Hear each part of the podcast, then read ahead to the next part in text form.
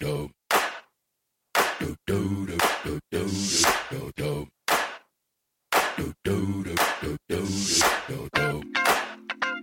Do do do do do do do. Do do do do do do. Den kunne vi hørt på lenge, merker jeg. Velkommen til eh, DN-teltet og til eh, denne debatten som vi skal ha. Grønne investeringer, godt for miljøet eller grønnvasking og symbolpolitikk. Eh, Mitt navn er Kjetil Bragli Alstheim. Jeg er politisk redaktør i Dagens Næringsliv. Og dette, dette, denne debatten er i samarbeid med BI. Og de vi har i panelet, er Espen Henriksen, vær så god, kom opp. Dere kommer opp, alle sammen. Førsteamanuensis, Institutt for finans, Handelshøyskolen BI. Alexandra Morris, investeringsdirektør i Skagenfondene. Sverre Tornes, konsernsjef i KLP. Og Leif Rune Rein, investeringsdirektør i Nordea Liv. Spørsmålet som er stilt i programmet, her er bidrar det aktivt i klimakampen om store aksje- og pensjonsfond endrer sammensetningen av aksjene i porteføljene sine. Eh, dette er en ganske sammensatt diskusjon. Vi har hatt en e-postutveksling på forhånd. Eh, vi kunne lagt ved det som et sånt kompendium eh, som vi kunne delt ut her. eh, ha med hjem og lese. Vi skal prøve å ta dette litt sånn stykkevis og delt. Jeg har tenkt å begynne nær, nær oss, med, med Nordea. Og Leif Rune, dere hadde jo en lansering, et, et utspill, hos NRK i fjor i november. Der dere fortalte at det var 27 ganger mer effektivt å putte pengene, sparepengene sine i et bærekraftig fond enn å dusje to minutter kortere hver dag. Eh, ta toget istedenfor bilen til jobben. Eh, droppe én internasjonal flytur i året. Og eh, spise kjøtt bare én gang i uka. Det er jo helt utrolig bra tall. Dere, dere skrev at i løpet av en, en periode på 42 år så har man spart, rett og slett fjernet 2222 tonn CO2. Det er utrolig. Skal vi tro på det? Altså, Det er ikke all kommunikasjon som kommer ut riktig. Eh, kan starte, men, tu men, men tusen takk for spørsmålet. Eh, og jeg, vet jo det at andre av debattantene også har sterke synspunkter på dette. Jeg tror nok det at Intensjonen må altså, synliggjøre det at vi faktisk kan gjøre også noe med pengene våre, eh, det som var positivt i den kommunikasjonen. Det å gå ut og si det at du sparer eh, CO2, det var vel kanskje en feilkommunikasjon i utgangspunktet. Det var i så fall det personlige karbonavtrykket, og så kan man diskutere om det er viktig eller ikke viktig. Eh, og så er det dette med at du sitter opp gode ting mot hverandre. Sparer andre ting som faktisk reduserer forbruk. Eh, det er litt i den kommunikasjonen som kunne vært, gjort annerledes. Men forsøket på å sitte fokus på at man kan gjøre noe med, med kapitalinvesteringene sine, var intensjonen her. Og som sagt, eh, hvis vi kunne gjort det om igjen, så hadde vi ikke gjort den annerledes. Ok, men Da prøver vi å gå inn i kommunikasjonen her og finne ut hva Det dere sa, var jo at hvis man eh, putter pensjonspengene sine i et fond som er eh, bærekraftig ut fra en eller annen standard, så blir det mindre utslipp i verden. Blir det det? Nei, det vil jeg si at eh, eh, var ukorrekt i starten. Fordi at det at du, eh, vi selger oss ut av en aksje, og en annen kjøper den aksjen, det reduserer ikke, det reduserer ikke forbruket. Eh, så det ble det kommunikasjon som i utgangspunktet skulle vært der, og kanskje det som ble feil i en kombinasjon, det var at ditt personlige karbonavtrykk eh, blir mindre. Og så kan man selvfølgelig Men, gjenstå men gjør det det? Blir det personlige karbonavtrykket mindre Ja, i, for, i forhold til dine eh, investeringer, i hvert fall. Ja. Men eh, du kan si det blir ikke mindre eh, i forhold til hva du spiser, dusjer, eh, flyr og alt mulig sånn. Så det å sitte opp det, egentlig ting som i utgangspunktet kan være gode begge deler mot hverandre, det var uheldig i den kommunikasjonen. Det, Han legger seg flat før du har sagt noe, Espen. Det er, det er ikke så Jeg kan ta toget tilbake til Oslo. Uh, nei, jeg tror vel Jeg kan vel ikke si noe annet enn eh, det Leif Rune Eller er enig med han i det han sier, men jeg tror vel også at det er et problem ved den type kommunikasjon. Uh, som vel da Tre to for, for Hovedpoenget er vel at hvis det da folk faktisk tror at det aktivt bidrar til å gjøre verden til et bedre sted, til å redusere karbonuttrykket, så kan det være at det fører til at man da legger, gjør mindre av gode ting Man legger mindre press på myndighetene for å endre rammebetingelsene, slik at vi faktisk får gjort noe med de enorme utfordringene vi står overfor. Da vil det faktisk skade klimaet. Men det andre, hvis jeg kunne ta et poeng til, og det er jo også at det er et ulikhets- eller et fordelingsspørsmål som er ekstremt viktig her. fordi at både de, mange av disse fondene som da koster veldig mye, nei, som påstår at de gjør veldig mye godt, de koster også veldig mye. Så hvis de da ikke har effekt, men koster mye mer for en vanlig pensjonssparer enn det de ville hatt, så er det faktisk en de facto overføring fra fattige pensjonister som ikke kan så mye, til Nordea eller Storebrand eller hvem det skulle være. Tar dere en bærekraftspremium her? Nei, til det første eh, eh, så, så er det riktig. Dersom, dersom folk blir uh, forledet til å tro at de ikke trenger å gjøre noe annet, eller politikerne blir forledet til å tro at de ikke trenger å gjøre noe annet, så er jeg enig med Espen. Men jeg, eh, jeg vil jo si det at du kan jo utfordre den påstanden også. Jeg, jeg har ikke møtt spesielt mange kunder som sier at ok, hvis jeg gjør dette, hvis jeg investerer litt eh, med mindre karbonavtrykk, så slipper jeg å gjøre alt annet. Så det, og jeg tror ikke det finnes noen forskning på Nei, at det- det, det er tilfellet heller. Men, men hvis påstanden ja, er riktig, så er det klart at det er en uheldig situasjon. side. Så det vil vi jo forsøke å, å påvirke selv også. Eh, og vi gjør jo det i kommunikasjon med, med, med, med kunder, at man påpeker liksom at dette her er en, en slags finans. Og det kommer til andre kostnader. Eh, når vi tar ut eh, våre for eksempel bærekraftige porteføljer Vi har eh, balanserte fond som baserer seg på en ekstra fokus på, på bærekraft, så ikke det er forskjellig priset fra de som ikke gjør det. Så eh, jeg vil si at den er eh, man, kan være, man kan alltid diskutere om prisingsnivået er riktig eller feil, i utgangspunktet, men, men det er ikke noe forskjell på de aktivt forvaltet fondene og de andre aktivt forvaltet, fondene vi har. Det er like pris. Eh, Vi begynte jo med å snakke om, om hva, hva de eh, bærekraftsfondene da ikke egentlig gjør, og den kommunikasjonen som du sier ikke ble helt riktig. Men hva, hva er det du mener at de gjør? Ja, altså her, du må huske på at Det finnes mange ting å, å, å, å, gjøre, eller mange måter å gjøre bærekraftige investeringer på. Og husk at Dette er relativt nytt fagfelt, så her kommer det sikkert bli mye prøving og feiling. Men, men altså, i utgangspunktet så kan jo du ha det som bare heter negativ screening. Hive ut det som du ikke liker. Til en viss grad si det at du ønsker bare å ha clean hands. for å si det sånn. Altså Du ønsker å ikke være eksponert med dette. Du kan ha positiv screening, hvor du fokuserer på selskaper som, som er mer eh, opptatt, flinke i dette. Du kan ha eh, en aktivt eierskap hvor du går inn og engasjerer deg i bedriftene. Du stemmer på eh, generalforsamlinger, forsøker å påvirke bedrifter i riktig retning.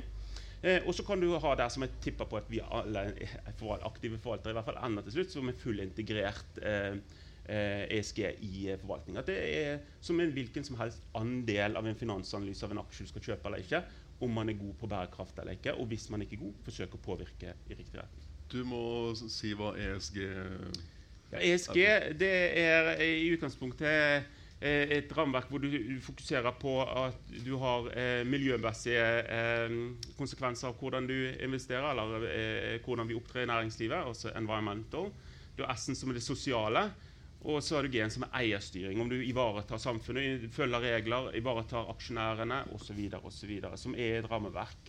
Men det er relativt nytt. Det er ikke noen sånn enhet, er sikkert ikke i panelet her, om, om hva en bærekraftig investering er, eller en bærekraftig drift av et selskap. Mm. Um, Sverre, hva eh, hva er en bærekraftig investering for KLP? Den er en som er forenlig med, med et, en, en langsiktig bærekraftig utvikling i, i verden. Altså en som ikke bruker større ressurser enn det vi kan eh, Det var snakk om tidligere i dag at vi hadde brukt opp ressursen 28.07. som vi hadde til disposisjon hele dette året. Det må i harmoni, sånn at eh, etterslekter har den samme muligheten til å nyte livet som vi har i dag, sånn for å si det litt sånn folkelig.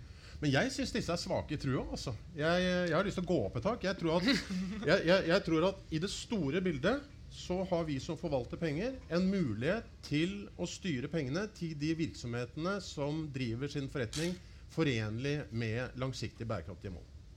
Du snakker om kapitaltilgangen til bedrifter. Helt riktig. Så jeg er ikke med på at, eh, at eh, den diskusjonen som går ned helt ned igjen i en enkeltportefølje Hvis den over effektene den disposisjonen i den enkeltporteføljen blir diskusjonen, så går man glipp av det store bildet om at det må mer penger inn til de virksomhetene som driver forenlig, og mindre penger inn til de virksomhetene som driver uforenlig med bærekraft. Og da er det riktig, Vi som driver i finans, vi vet at det er en sammenheng mellom avkastning og risiko. Og ved å tenke sånn så øker vi i det minste opplevd risiko. Hvis man ikke vet om man får tilgang til kapital, så vil man være forsiktig med å velge den forretningsstrategien. Hvis man som myndigheter varsler avgift- og skatteendringer og støtteordninger og insentiver som på den ene siden straffer gal atferd og eh, belønner god atferd, så er det absolutt et finansielt instrument som finansmarkedet tar inn over seg. Derfor så blir det forenlig med god forvaltning å passe på at man håndterer den fremtidige risikoen ved klima. Den kommer med sikkerhet til å øke. Eh, ellers så kommer vi ikke til å nå målene, for omstillingen blir for lav. Espen, kan man kvele de, de slemme ved hjelp av, eh, av pensjonsfond og aksjefond som eh, kaster dem ut, og ikke gir dem penger? Jeg skulle ønske at han hadde rett. Altså, det er ingenting Intensjonene er de aller, aller beste. Men Da er det litt viktig at vi tenker på hva det faktisk innebærer. fordi at en ting jeg tror vi blander ofte sammen, men som er litt viktig, eh, er å skille mellom porteføljevalg og faktiske investeringer. Hvordan bedrifter faktisk allokerer kapital. Type, hvilke, eh, hvordan investerer de i forskning og utvikling? Eh, hvilke bygninger, hvilke maskiner kjøper de? Eh, og skal dette ha en betydning, skal porteføljevalg ha en betydning, så må det bety noe for hvilket avkastningskrav, justert for risiko, som bedriftene krever på forskjellig. Så da må vi få et lavere avkastningskrav for såkalt gode bedrifter og et høyere avkastningskrav for dårligere bedrifter. En logisk følge av det, det, det er at det betyr at gode investeringer vil få lavere avkastning over tid. Dårlige investeringer vil få høyere avkastning. Så da er spørsmålet Hvis dere bare ser for dere Ta en karikatur av en finansmann. Kommer han til Eller, og det er gjerne han. Til å da si at denne dårlige, såkalt dårlige bedriften som gir høyere avkastning, at han skal avstå fra å investere og putte pengene i den, og, og da eh, Og heller bare investere i den gode bedriften med mye lavere avkastning. Jeg tror ikke det er tilfellet. Det ser vi også fra data. Det er veldig lite empirisk støtte for at noe sånt faktisk kunne finne sted. Så derfor tror jeg ikke det er tilfellet. Selv om det hadde vært fint. Sverre, hjelper det at KLP fins når verden er full av kynikere? Ja, altså jeg, Igjen så tenker jeg sånn det blir et håpløst resonnement å si at den, den enkelte person eller enkelte selskapsdisposisjoner ikke kan påvirke andre. Vi gjør alt hva vi kan for å jobbe i store mestorfellesskap både nasjonalt og internasjonalt, for å få gjennomslagskraft og styre pengene sånn at det virkelig betyr noe. Så ja, jeg tror det betyr noe å ha engasjement og tro på at gjennom det så styrer vi pengene til de som, som vil eh, bidra til at vi når klimamålene. Eh, Det er jeg helt, helt overbevist om. Og jeg tror at det som er jokeren her, det er at det tradisjonelle tankesettet det undervurderer kraftig risikoen for at disse virksomhetene blir nødt til å omstille og få en helt annen fremtidig lønnsomhet. Jeg tror altså at man kan teoretisere dette så mye man vil. Jeg tror at det kommer til å utvikle seg et regime som gjør det veldig lite lønnsomt å drive uforenlig med bærekraftsmålene. Vi skal snakke mer om risiko eh, litt etterpå. Nå skal jeg fortsette til Alexandra. Tusen takk. Ja, eh, vi tar dette i tur og orden, skjønner du. Det er eh, Hva, fra ja. Skagenfondet, hva selger dere av bærekraft? Ja. Altså, jeg må bare få, få, få si at eh, i all ærbødighet så er det mye grønnvasking og symbol, symbolpolitikk her eh, i dag. Hvem peker du på nå? Eh,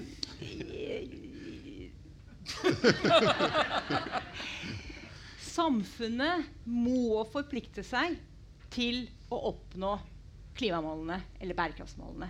Det er det ikke tvil om. Og det betyr at du og jeg, bedrifter, offentlige og private bedrifter, må endre opp etters etterspørselen etter varer og tjenester. Endre atferd.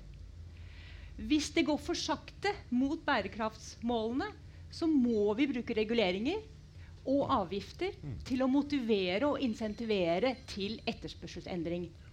Markedsmekanismene styrer kapitalstrømmene, så kapital vil alltid finne frem til de mest lønnsomme investeringene. Det er mitt svar på det. Og som aktiv, siden du nevner Skagen, som aktiv forvalter så har jeg kun ett mål. Og det er å skape best mulig risikojustert avkastning for mine kunder. Og gjennom å ha gode diskusjoner som aktiv eier med selskapene, engasjere seg og stemme på generalforsamlinger, så kan vi være med på å påvirke selskapene vi eier. Å tro at vi f.eks. kan utelukke oljeselskaper og nå klimamålene, er feil og i beste fall naivt. F.eks. som aktiv forvalter så kan jeg velge bort et oljeselskap som ikke har noen intensjoner å møte fremtidig etterspørsel. Jeg kan bruke pengene på f.eks. å investere i Equinor, som kanskje er verdens største investor i fornybar vindkraft. Og derigjennom påvirke materielle skritt til å nå klimamålene. Det er aktivt eierskap. Det er å bevege listen høyere og virkelig få nå målene. Å kalle seg bærekraftig ved å utelukke olje eller kull helt er grønnvasking og symbolpolitikk. Det gir ingen materielle forbedringer i klimaet. Det var min svar. Ja, skal vi Ja, den kjente jeg traff. Ja, vær så god. Vi, er jo, vi var jo tidlig ute med å, å gå ut av kull, og er helt ute av kull. Og vi er veldig klar at det fortsatt, de samme selskapene vi solgte oss ut av, driver fortsatt og produserer energi på kull. Men det er jo ikke derfor vi går ut. Vi går ut for å fortelle om at det finnes en retning. Så vi tar de pengene som gikk ut av kull, og så sender vi dem til u-land, som har de minste finansielle ressursene, for å bygge ny produksjonskapasitet på vind og sol og fornybart. Noe som eh, gjør at den type prosjekter, bare den fem-seksårsperioden vi har gjort dette, eh, har fått ned prisen på sol og vind som følge av etterspørsel etter dette, som nå gjør at i de fleste land så er dette fullt ut konkurransedyktig med tradisjonell kullbasert energi. har- har det og det må da Men har det, telle. lø- har det lønt seg for, for KLP? Ja, det har lønt seg fra KLP. Vi har fått samme avkastning på det som andre energiaksjer, og vi opplever at det er mye mer ri- risiko forbundet med det, for vi ser at det kan vi holde på med lenge. Mens det er veldig usikker på om vi kan fortsatt tjene penger på kullbasert produksjon. For der tror jeg regimet kommer til å endre seg. Og, og jeg tror at forbrukerne jeg er helt enig med deg, det kommer til å styres ut fra hva som er lønnsomt. Forbrukerne kommer ikke til å ønske å kjøpe produkter som er basert, basert på kull. Så det er veldig stor risiko for at disse vil eh, bli mindre lønnsomme, mens det vi gjør, er tryggere på og har en stabil inntekt i fremtiden. Alexander. Eh, å utelukke olje og kull eh, på det nåværende tidspunkt er hyklersk så lenge vi kjører bil, og så lenge vi importerer kullkraft fra Tyskland. Eh, det er et sterkt behov for å redusere kullforbrenning. Det er vi alle enige i. Det må ned. Vi mener vi er ansvarlig investor ved å investere i CMS Energy, som er et, kull, eh, et kraftselskap i Michigan i USA, eh, som har store ambisjoner om å komme seg ut av kull innen 2040. De er på god vei. De er ned i nå under 30% Og dette selskapet eh, har gitt anerkjennelse for Skagen som aktiv eier og som pådriver i deres arbeid for å synliggjøre behovet. For i motsetning til Trump så ønsker CNS, CMS, eller de vet at verden kan ikke leve basert på kull lenger. Så de skal ut. Og de gjør det, som du også sier, billigere med vindkraft og solenergi enn gjennom kull. Så vi er med på ikke bare å gjøre miljøet i Michigan bedre, sikre at kundene får billigere strøm og få det varmt om vinteren, og at våre andelseiere, pensjonister og småsparere får god avkastning på pengene sine. Og det er materielle eh, eh, påvirkning på miljøet som CMS Energy gjør. Og siste poeng her Alternativt, hvis ikke vi som ansvarlige langsiktige investorer investerer i disse selskapene, så kommer det, som, Henrik, nei, som Espen sier, kortsiktige, profittmaksimerende aktører som sier eh, som, som gjengir Trumps meninger. Kull, bare kjør på kull. Ikke investere i fornybar. Gi heller pengene tilbake til meg som investor. Kortsiktig profitt. Det vil vi ikke ha noe av. Sverre? Altså, helt kort, Jeg syns det er flott. Jeg sier ikke at alle skal ekskludere kull. Jeg bare sier at det kommer noe positivt ut av det, sett med vårene. Det kommer åpenbart noe pos positivt ut av å engasjere seg som aktiv der, så det er vi ikke uenige så det vil jeg bare berømme. Ja, nei, altså bare si det. Når vi har den overgangen, så må vi huske at det alltid er svakheter. Og det å klare å forbedre selskapene, og det å bli i selskapene, tror vi er faktisk er mer bærekraftig enn å bare forlate dem. Vi har også begrensninger på kull, og er helt enige om at det er noe skitt som man ønsker å komme seg ut av. Men det verste vi kan oppnå her med vår bærekraft og investeringer, det er at vi splitter investorsamfunnet i de som bryr seg, og de som ikke bryr seg. Hvis de som bryr seg om utviklingen i selskapet, forlater selskapene, så vil selskapene sitte igjen med de som ikke bryr seg. Og hvis noen da tror det at utviklingen i de selskapene blir bedre og mer miljøvennlig når de har investorer som ikke bryr seg om det, det tror jeg er en feil eh, kortslutning. Selv om man sender ut sterke signaler ved at noen selger seg ut. Og jeg er ikke uenig at den gapestokkeffekten er faktisk også en viktig element i en, en bærekraftig utvikling.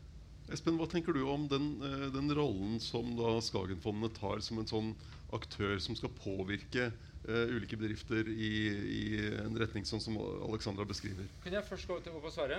Før jeg gjør Alexandra? Jo, for jeg tror det er veldig viktig Når du hører argumentene til Sverre, så sier man egentlig da er det alt om hvilken lønnsomhet man tror at disse uh, selskapene vil få.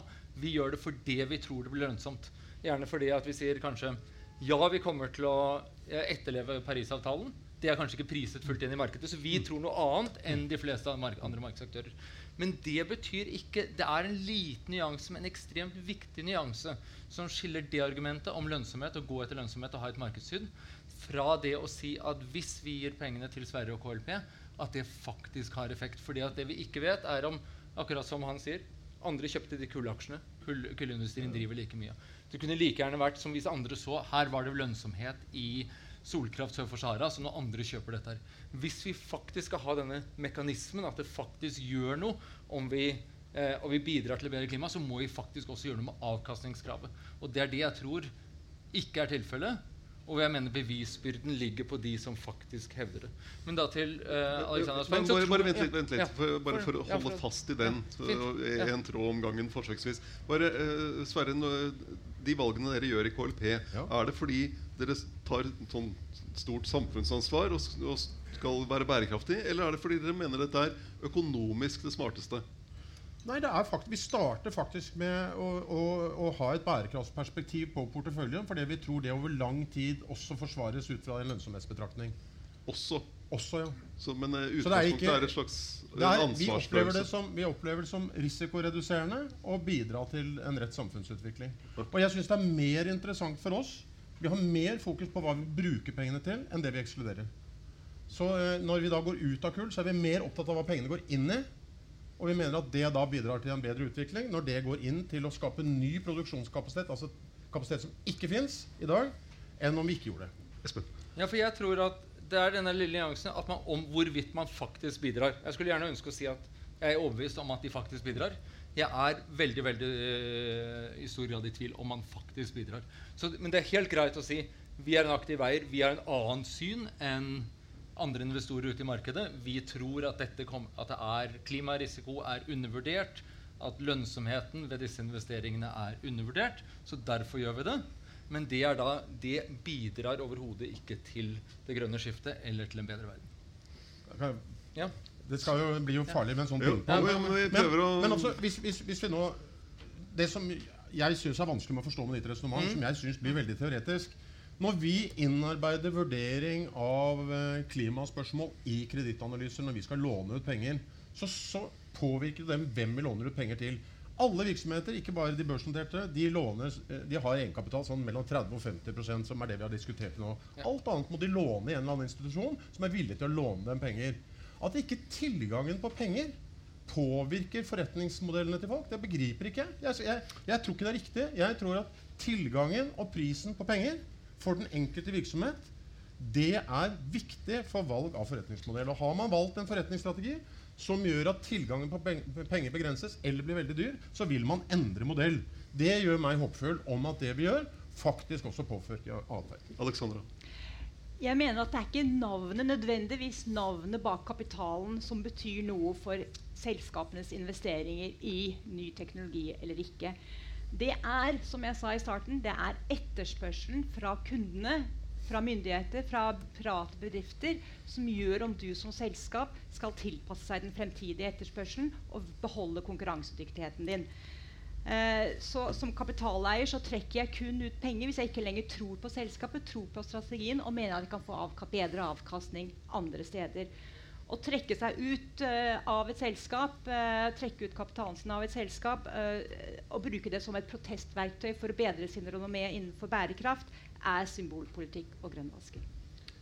Ja, jeg har lyst til å stille spørsmål tilbake til Espen. fordi at um, Det går veldig mye på det selvfølgelig dette med, med porteføljeallokering og ikke ha noen effekt. Altså, men, men det er bare én del av hvordan vi gjør bærekraft. Og det andre og vår hovedbjelke det er jo å være en aktiv eier. Det vil si at vi har folk som eh, stemmer på generalforsamlinger. Uh, vi forsøker å påvirke. Vi kan gå inn i en engagement-prosess med et selskap vi ønsker en endring i.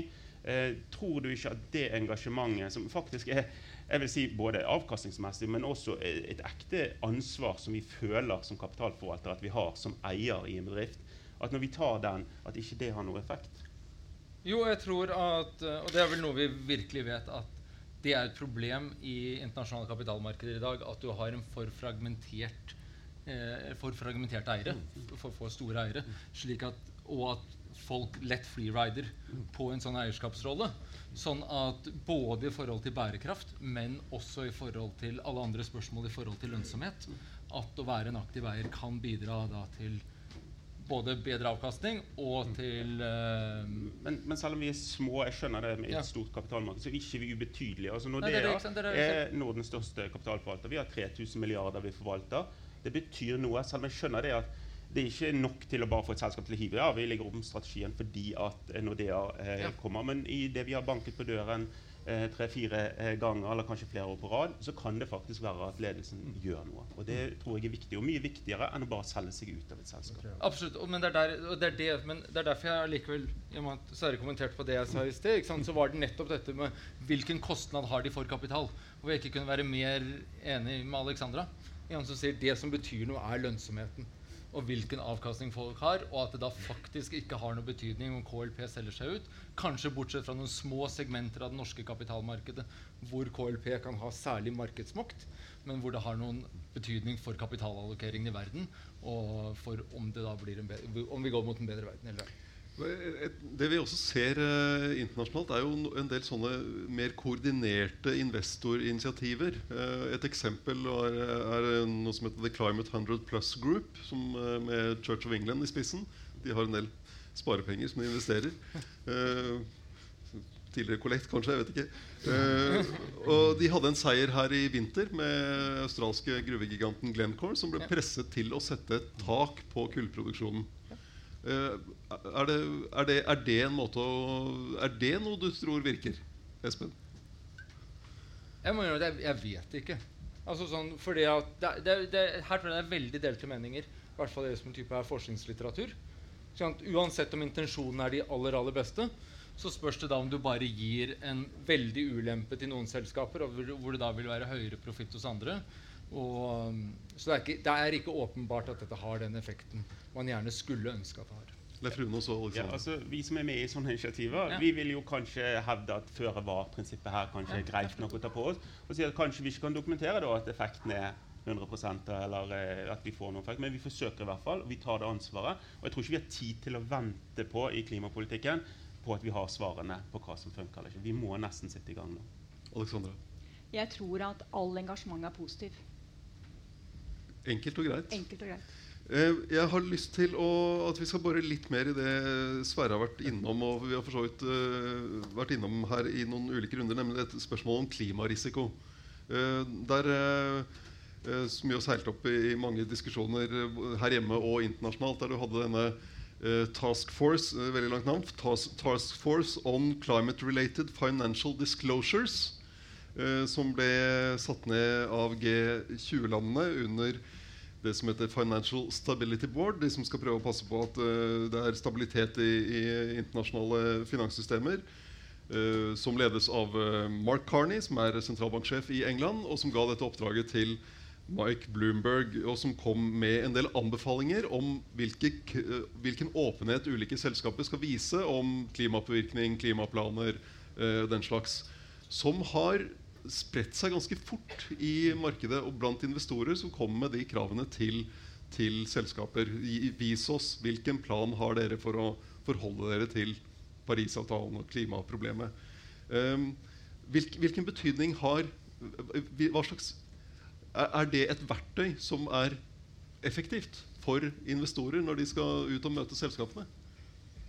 Det er i hvert fall et verktøy som er, er, er viktig for oss som investorer. For Hvis du ikke har data ikke kan vite hvordan selskapet, hva avtrykk, hva de gjør, hva de er, så er det en utfordring når du skal analysere. Og det høres veldig enkelt ut når vi snakker her om at vi bare gjør sånn og sånn, og så får vi et svar, og så vet vi hvordan dette selskapet går. Altså Hvis du skal gå inn og se på store Statoil eller noe sånt, det er, det, er ikke, det er ikke bare gjort i en håndvending å gjøre den analysen. Så vi er helt avhengig av at datakvaliteten som får ut, at vi får standarder på hvordan man rapporterer på dette her, at det gjøres noenlunde likt. At det ikke er fordi at det bare er en, et selskap og en stor PR-avdeling som håndterer dette, og et annet selskap har det ikke, så er, dømmer vi det som har en stor PR-avdeling til et godt selskap kontra det. Så vi er helt avhengig av den type initiativer.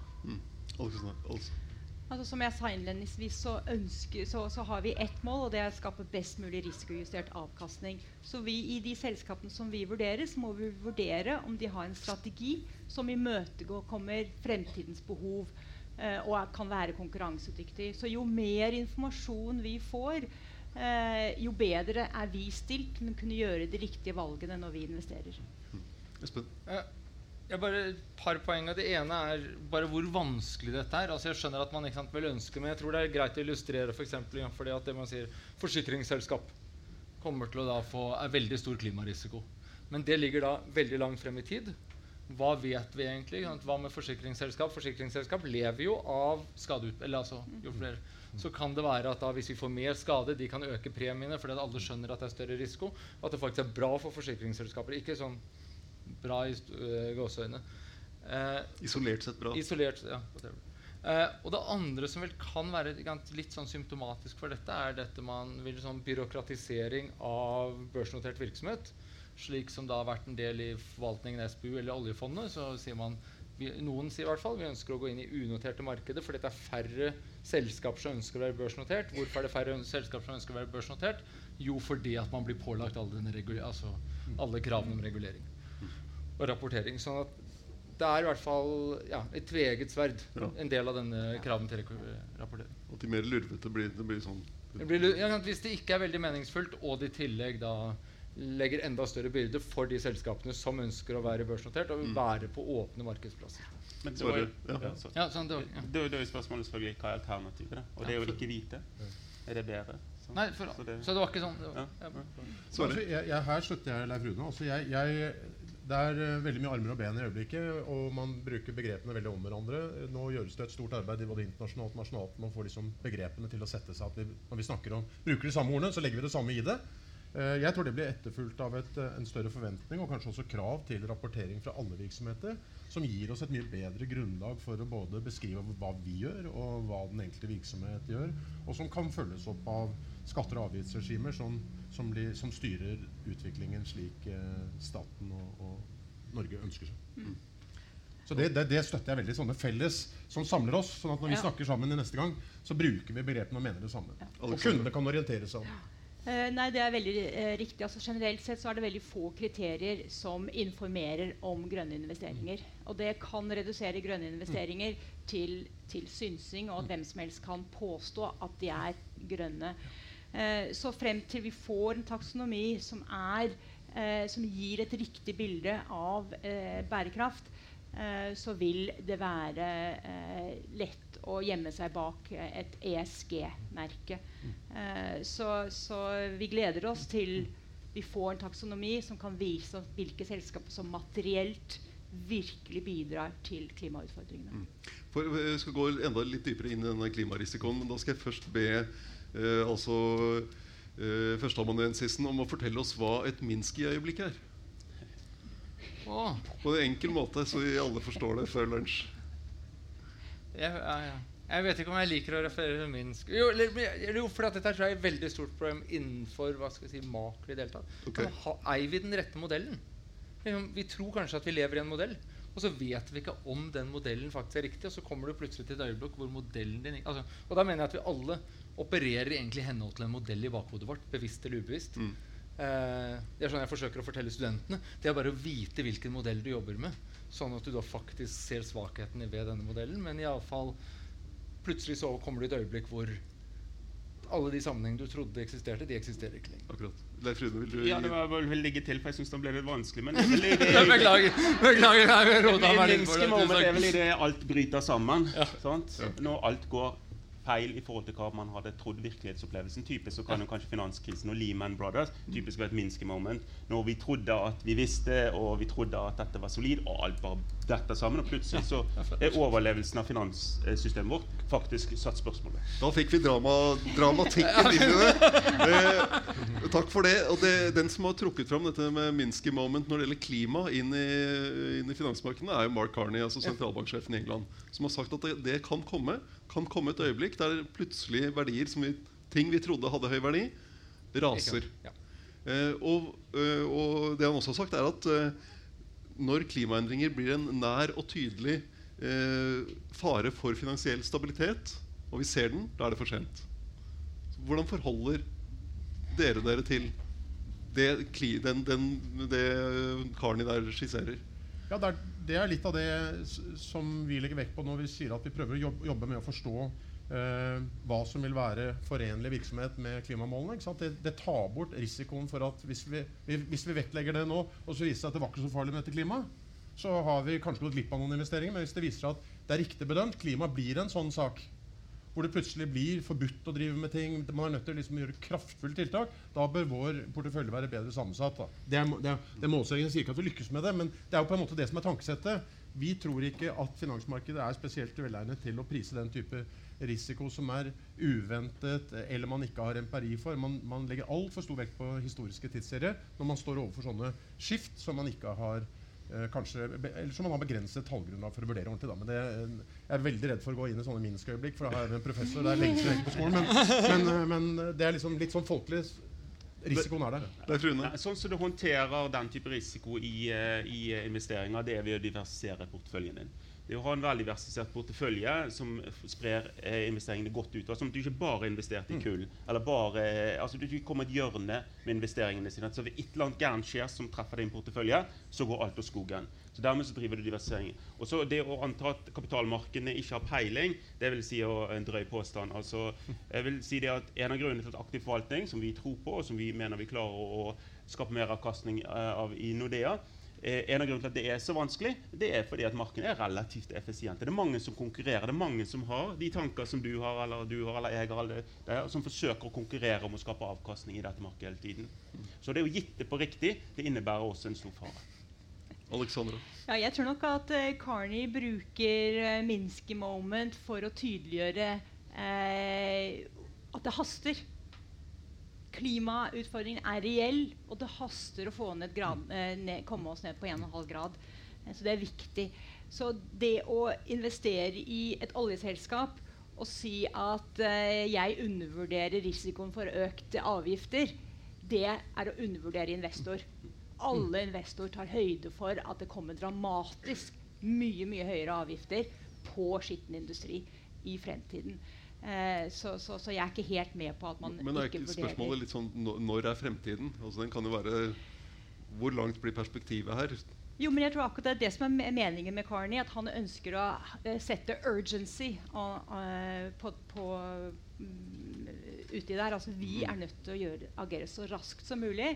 Men det er ikke vår opp oppgave som kanaliserer av kapital til lønnsomme prosjekter. Det er faktisk oss som samfunn som må etterspørre som må bruke mindre olje, og som må etterspørre spørre, spørre nye te produkter og ny teknologi.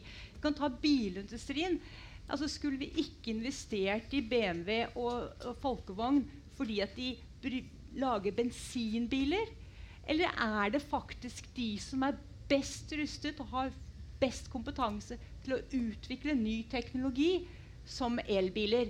Det er i hvert fall ikke Think og Tesla som er de beste og mest lønnsomme prosjektene i det henseende.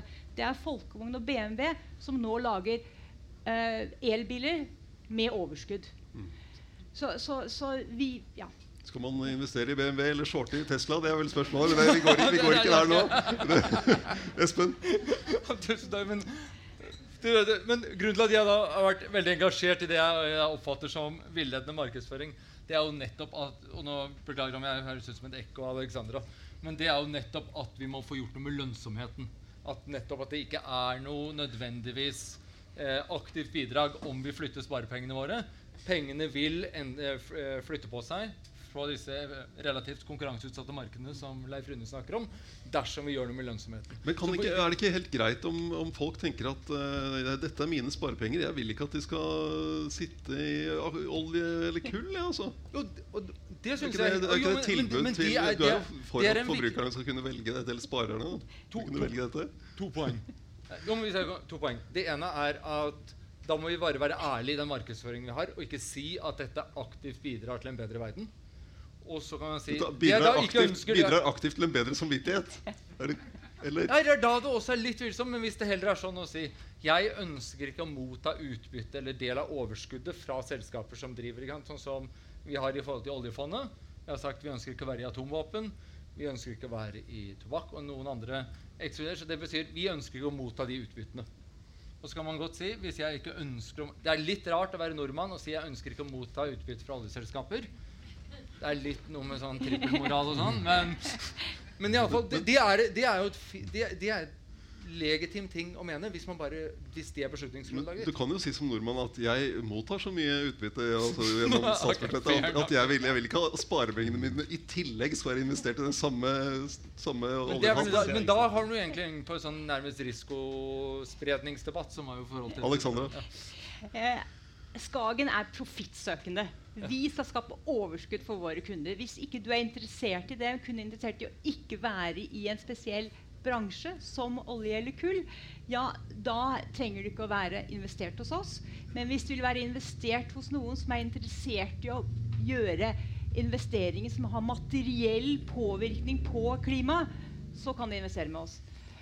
Leif Rune? Ja, og jeg vil bare si det samme fra, fra Nordea. Altså, vi søker selvfølgelig å oppnå høyest mulig avkastning for uh, pensjonistene på de investeringene vi gjør. Jeg vil allikevel si det at det går fint an å gjøre med et aktivt eierskap og faktisk ta hensyn til ESG. Men det å bare selge seg ut blindt av alt mulig, det tror jeg er en dårlig løsning for utviklingen fremover. Eh, vi har eh, fortsatt litt tid igjen, og jeg har fortsatt noe jeg skal spørre om. Men jeg tenkte hvis det sitter noen her som brenner inne med et spørsmål, så vet jeg ikke om vi har en mikrofon, men vi skal prøve å få det til likevel.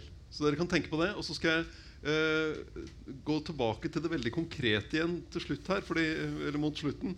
Og det er jo eh, dette problemet med at man har så mange ulike definisjoner på hva som er bærekraftig. Eh, er det bare noe vi må leve med, eller eh, vil det bli utviklet standarder som man kan, sånn at vi vet hva vi snakker om? Alexandra først. Ja, Det utvikles nå en, eh, en taksonomi eh, i EU. og Jeg tror det er basert på tre faktorer. Det ene er hvorvidt det gir materielle eh, bedringer innenfor forskjellige klimamål. Det andre er do no harm, altså ikke noe skade. Og det tredje har sosiale hensyn. Så det er under utvikling, og det blir veldig velkomment når det kommer. Ja, det var i prinsippet det samme jeg skulle si. men altså Taksonomi det er et van vanskelig navn, men det betyr i prinsippet at vi har et felles rammeverk. Det vil si at vi kaller det det samme. Og det utvikles av av E EU. EU. Ja. Det er EU også ordner EU, opp for ja. oss. Vi skulle nesten vært medlem der. Men, men, men, inn- men, men inntil vi har det på plass, så tenker jeg at det påhviler hver enkelt av oss uh, når vi presenterer våre strategier, å sørge for at det er åpent tilgjengelig, sånn at kundene kan informere seg om hvordan tar du dine beste valg. Hva legger du vekt på, sånn at du, du får den porteføljen du ønsker deg, og, uh, og, og får innsyn i hvordan det tenkes. Og så er det klart at uh, vi fremstilles kanskje nå som et, et selskap som, som selger oss ut av alt, ekskluderer alt. Men vi har jo hovedoppgaven vi også i å forvalte pengene, så vi investerer, vi òg. Ja, ja, ja. Kanskje ikke det blir helt kanskje det ikke helt Men vi tror altså på kraften av å investere i en målbestemt retning. da. Eh, og Der tror jeg heller kanskje ikke vi i realiteten er veldig ulike. Men jeg tror alle virkemidler, både aktivt eierskap og eksklusjon, er virkemidler som har potensial til å bidra. Uh, og så vektlegger vi det i ulik grad når vi uh, forvalter pengene på folk. Så bare vi beskriver det på en skikkelig måte, så kundene våre er i stand til å, å vurdere hva det er de får for disse pengene sine. Så det tror jeg er det viktigste. Er dette løst med taksonomi, Espen? Forhåpentligvis er det i hvert fall et bidrag. Er det noen som har funnet ut at de Nå har vi faktisk funnet en mikrofon. Eh, er det noen som har noe Du har et spørsmål? Ja? Per Kristian Spertli fra eh, Miljøstiftelsen Zero.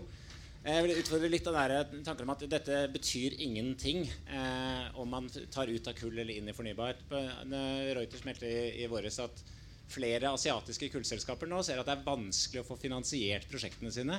Fordi vestlige banker, eh, europeiske, amerikanske, australske, går, vil ikke lenger gå inn i kull. De vil ikke ha noe med kull å gjøre fordi dette har begynt å rulle så langt. Nå er det bare koreanske, japanske og kinesiske banker igjen. Det, har blitt mer krevende for dem, så de prisen på kapital går opp. Og konkurranse får, de får en ulempe i konkurranse. Ikke, har ikke det betydning? Eh, samtidig så vil jeg eh, berømme KLP for at det viktige, altså, Lenge så har det handlet om at, eh, at grunnfinans er å gå ut av verstingene. Men at, som Sverre Torne sier, det er viktigere hvor man går inn i. For der er det også vi jobber med, uh, sitter i styret i Norfund, som investerer i, i fornybar energi i, i, de vanskeligste markedene. Der er det mangel på kapital. Det er klart at Når KLP stiller opp med den kapitalen, så får man ned prisen på, på, på kapital. Du får mer fornybar energi i markeder som ellers eh, fortsatt velger kullkraft. Alexandra først. Ja, du svarte jo på spørsmålet selv. Det er ikke lenger lønnsomt å investere i de kullselskapene i Asia. Og derfor får de ikke penger. Så enkelt er det. Det... Kapitalen finner veien til lønnsomme prosjekter. er utgangspunktet. Ja, men det, okay. jeg, jeg, tror det, at det, er, det er tosidig i dette. For jeg tror det at Alle vi som står her, har begrensninger på kullinvesteringer. Alle har tatt det som en versting som vi ikke ønsker å være eksponert mot. Det er ikke noe uenighet der. Men vi hadde vel en case her eh, for litt siden hvor Vattenfall solgte seg ut av et eh, et kullkraftverk i Tsjekkia til en tysk eh, leverandør, hvor Vattenfall kan si at ja, vi har redusert vår kulleksponering, vårt karbonavtrykk, mens det tyske selskapet har tenkt å, eh, å øke produksjonen der. Som betyr mer utslipp, som betyr verre utvikling for, ver for, verden. Fordi at en som brydde seg, solgte seg ut. Så det, her, det å forsøke å påvirke i riktig retning, det tror jeg er, er, er veien. Men det betyr ikke at man ikke skal stille opp med kapital man skal prise risiko. Jeg tror ikke det er noen av vår intensjon i hvert fall. Og jeg tror også det er et fryktelig eller farlig å snakke om mangel på kapital. Altså, særlig i dagens verden, hvor rentenivået er omtrent null rundt omkring, så er det Vi har aldri sett en så stor tilstrømming av kapital, og hvor vanskelig det er da å finne lønnsomme prosjekter. Så hvis det da er slik at det finnes eh, eh solcelle eh, prosjekter sør for Sahara som ikke får finansiering, så er det antagelig nettopp fordi at de ikke er lønnsomme nok, eller fordi at risikoen er altfor eller en kombinasjon av disse. Så når, eh, når uh, Okea slet med emisjonen sin og børsnoteringen før sommeren, og Source Energy har slitt nå med å hente inn de pengene de skal ha til leteaktivitet i, i har det noe med dette å gjøre? Det at Sånn som dere ikke vil investere i dem, eller er det andre grunner? Oljeprisen osv.?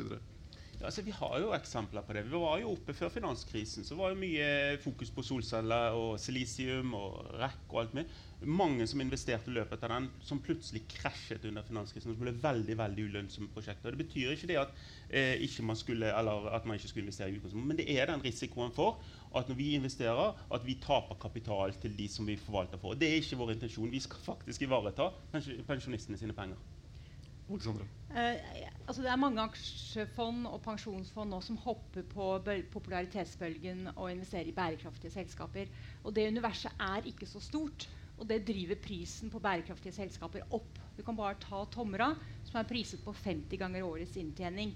Eh, og det er også det solindustrien var eh, i 2007-2008. Var priset altfor høyt eh, og kollapset.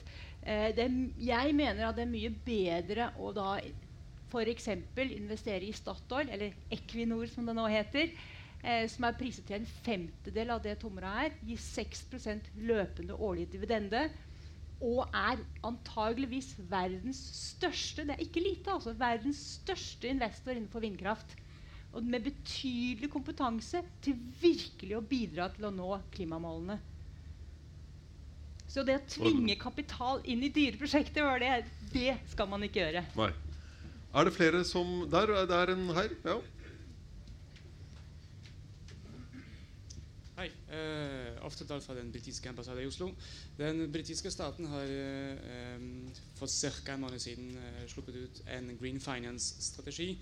Eh, og et av de uh, poengene der er å faktisk offentliggjøre um, climate-related financial disclosures innen 2022. Og det jeg lurer på er Hva skal til for at Norge skal gjøre noe lignende?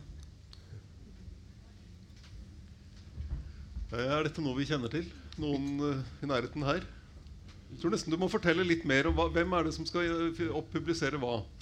Nei, det, å- altså, det handler om uh, å publisere tall på uh, hva man gjør i forhold til klimainvesteringer Uh, På bedriftsnivå eller nasjonalt nivå eller på bedriftsnivå. bedriftsnivå? På, sine, på grønne investeringer. Ja.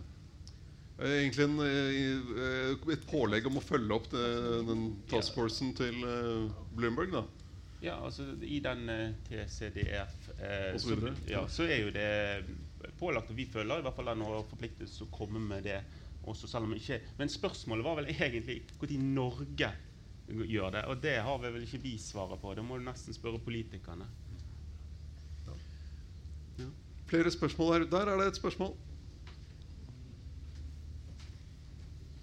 Takk. Jeg heter Runa Rød. Jeg kommer fra Greenpeace eh, og følger litt opp på det Zero-spørsmålet som kom i sted. egentlig. Dere snakka litt om det her med, med Eller Alexandra Morris i hvert fall sa at um, vi som samfunn må på en måte ta uh, hovedansvaret, da, hvis jeg har skjønt det rett, uh, på, uh, på å, liksom, å løse klimakrisen.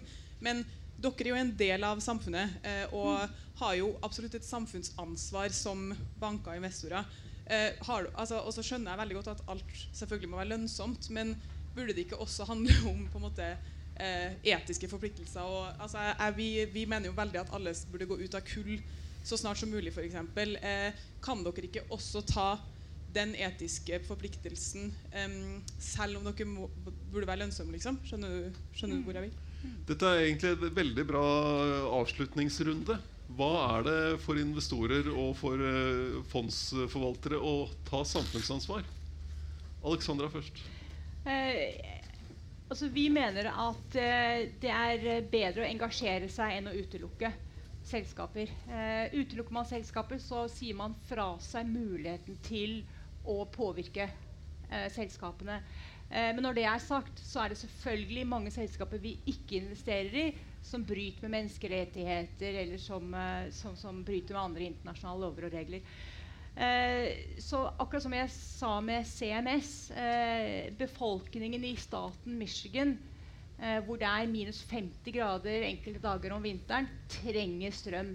Du kan ikke slå av kullkraftverket over natten, men du må prøve å påvirke til å, å, å få bort kull så fort som bare mulig. For det er skittent og ødelegger miljøet. Så, så, så det er, det er eh, etisk, absolutt, ansvarlig, absolutt, og det riktige å gjøre, etter min mening. Sverre. Nei, jeg tror eh, vi skal fortsette å tro på at eh, hvordan vi forvalter pengene, har betydning for hvordan samfunnet utvikler seg. Eh, du sier at dere ekskluderer eh, selskap som bryter med menneskerettighetene. Ja, Det er bare fordi vi er kommet så langt i prosessen med menneskerettigheter. Sånn kommer man til å se på klimagassutslipp også. Det bryter med eh, verdenssamfunnets eh, nødvendige behov. Og man kommer til å etter hvert se på det som like uakseptabelt og medvirke til store utslipp som det man eh, i dag oppfatter er eh, å medvirke til menneskerettighetsbrudd. Så jeg eh, håper og tror at eh, vi får vind i seilene når vi styrer pengene inn i en retning som bidrar til et bærekraftig eh, samfunn over tid. Ja, jeg er jo for så vidt ikke uenig med, med noen av, av de. Altså, det er ingen tvil om at vår, vårt standpunkt at det, beste vi kan gjøre for å ta ansvar, eh, både økonomisk, men ikke, også, ikke minst også for bærekraftig utvikling og miljø, det er å være i selskapene og forsøke å påvirke de i riktig retning. Og eh, påvirke de i riktig retning. Det har nevnt kull her i sted. Jeg, tror de fleste forvaltere i dag har maksimummål på kull. Når man ikke går rett til null, sånn som noen gjør, så er det fordi at man ønsker å påvirke disse selskapene i en riktig retning. Og jeg, jeg, jeg kjøper heller ikke det at eh, vi skal gi opp all, all avkastning til våre pensjonister fordi at vi skal være bærekraftige. Jeg tror det at dette fint lar seg kombinere, selv om det ikke er enkelt. Og så kan vi i bransjen kanskje være være bedre på kommunikasjon og hvordan vi selger dette inn. Det tror jeg jeg kan være enig i, men jeg tror det er viktig at bransjen her fokuserer på bærekraft, utvikling i riktig retning. Det er noe vi er nødt til å ta ansvar for. Og der tror jeg at alt engasjement, uansett hvordan du gjør det, er positivt. Espen, du får siste ordet. Tusen. Eh, jeg tror det viktigste, eller samfunnsansvaret først, apropos temaet her i dag, vært, er å snakke nøkternt og sannferdig om finans. Og faktisk formidle de mekanismene der. Ikke f.eks. påstå at eh, et gitt fond vil aktivt bidra til å redusere karbonavtrykk. Eh, porteføljeendring. Men da tror jeg det også et samfunnsansvar er å følge de lover og regler som er. Og at det på et eller annet vis, de lover og regler som er, er en taksonomi, eller for de, de etiske standardene vi har. Og så at man da, hvis man formidler hva finans faktisk kan gjøre, at man skjønner at vi alle har et samfunnsansvar for å sørge for at det blir mindre lønnsomt å drive med skitten business.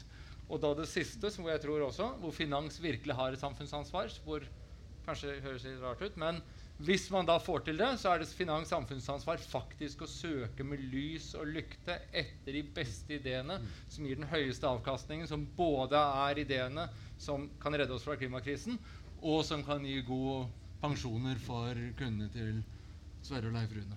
Det tror jeg er Tusen takk til panelet, og takk til dere som kom og hørte på.